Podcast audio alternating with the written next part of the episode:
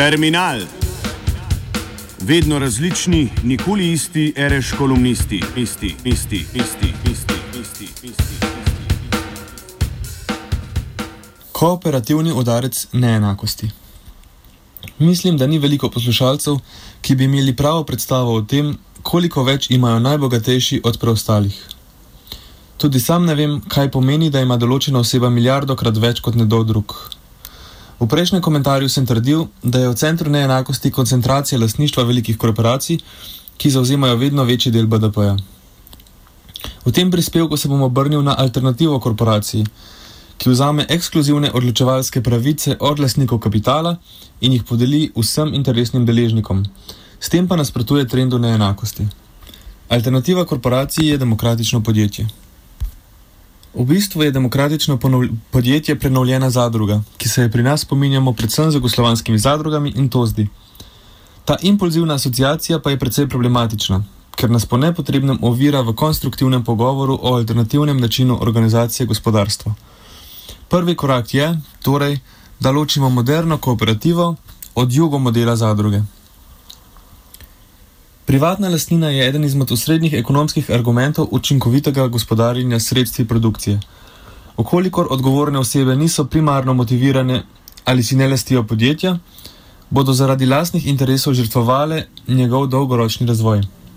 Številni analitiki so mnenja, da je jugoslovanska zadruga doživela podobno osodo.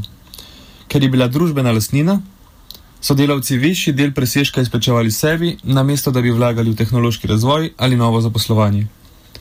Moderno kooperativo pa si lastninijo delavci, zaradi česar je svetla prihodnost podjetja v njihovem osebnem interesu.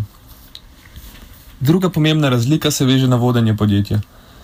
Esenca zadružnega upravljanja je demokratično odločanje vseh deležnikov. V Jugoslaviji so se zadruge z uvedbo tozdo odmaknile od tega kriterija. Sedeže upravnih odborov so polnili zunanji partijski strokovnjaki, kar je zadrugo spremenilo v nekakšno tehnokratsko strukturo. Moderna kooperativa je organizirana okrog demokratičnega načela. Vsak delavec nosi enako težo v odločanju o predstavnikih, menedžerjih in preostalih vertikalno dvignjenih posameznikov v zadrugi. In kako se kooperative lotijo problema neenakosti? Plačne razlike med najbolje in najslabše plačanimi v kooperativah so daleč pod plačnimi razlikami v korporacijah. Še leta 1965 je visoki menedžment v večjih korporacijah zaslužil približno 20 krat več, kot je znašala povprečna plača delavca. Danes zasluži 300 krat več. Na drugi strani tudi v največjih in najbolj uspešnih kooperativah razlike v plačah ostajajo relativno nizke.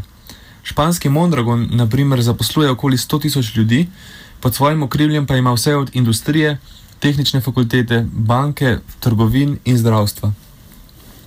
V tem gospodarskem ekosistemu so najbolje plačani zdravniki, visoki menedžment in finančniki. Ti pa dobijo največ osemkrat več kot najslabše plačani delavci v proizvodnji. Poleg nizkih plačnih razlik pa vlogo uravnovilke igra tudi enakopravna soodeležba v profitih. Kot smo spoznali v prejšnjem prispevku, korporacija v svojem smotru maksimizacije profitov, to je dohodkov lastnikov kapitala, deluje proti visokim plačam delavcev. V kooperativi pa se profiti delijo enakovredno med vse člane, ne glede na njihov položaj v podjetju.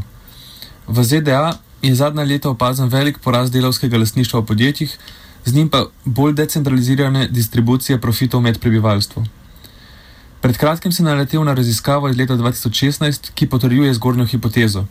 Saj ugotavlja, da pri vsem ostalem nespremenjenem porast vso udeležbe v profitih vodi v zmanjšanje dohodkovne neenakosti.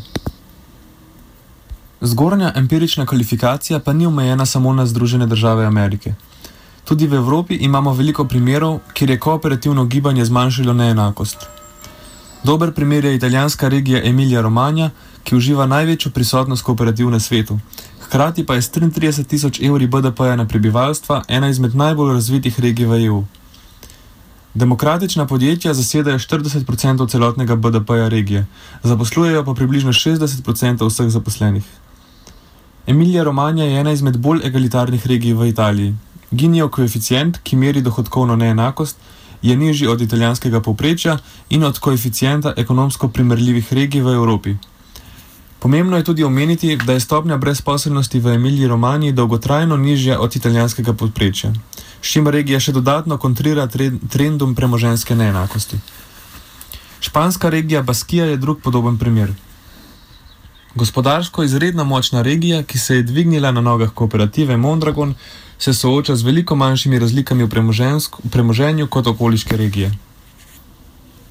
Neenakost ostaja večkrat prežvečena in že dobro izpljunjena tematika, ki se je loteva levica. Morda sta dva komentarja na temo dovolj, da jo za nekaj časa pustim v tišini. Zadnjim glasom torej še enkrat opomnim na vlogo kooperativnega gibanja v zmanjševanju problema. Demokratično upravljanje, nizke plačne razlike in soodeležba v profitih zmanjšujejo politično in ekonomsko neenakost. Kooperativa pa pri nas ostaja utišana strani zgodovine. Čas pa vsekakor je, da nova generacija premisli o alternativnih oblikah podjetja, s katerimi si bomo priho v prihodnosti gradili ekonomsko bazo.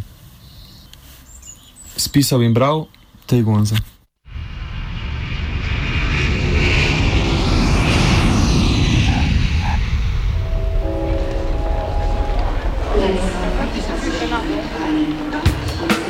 Terminal.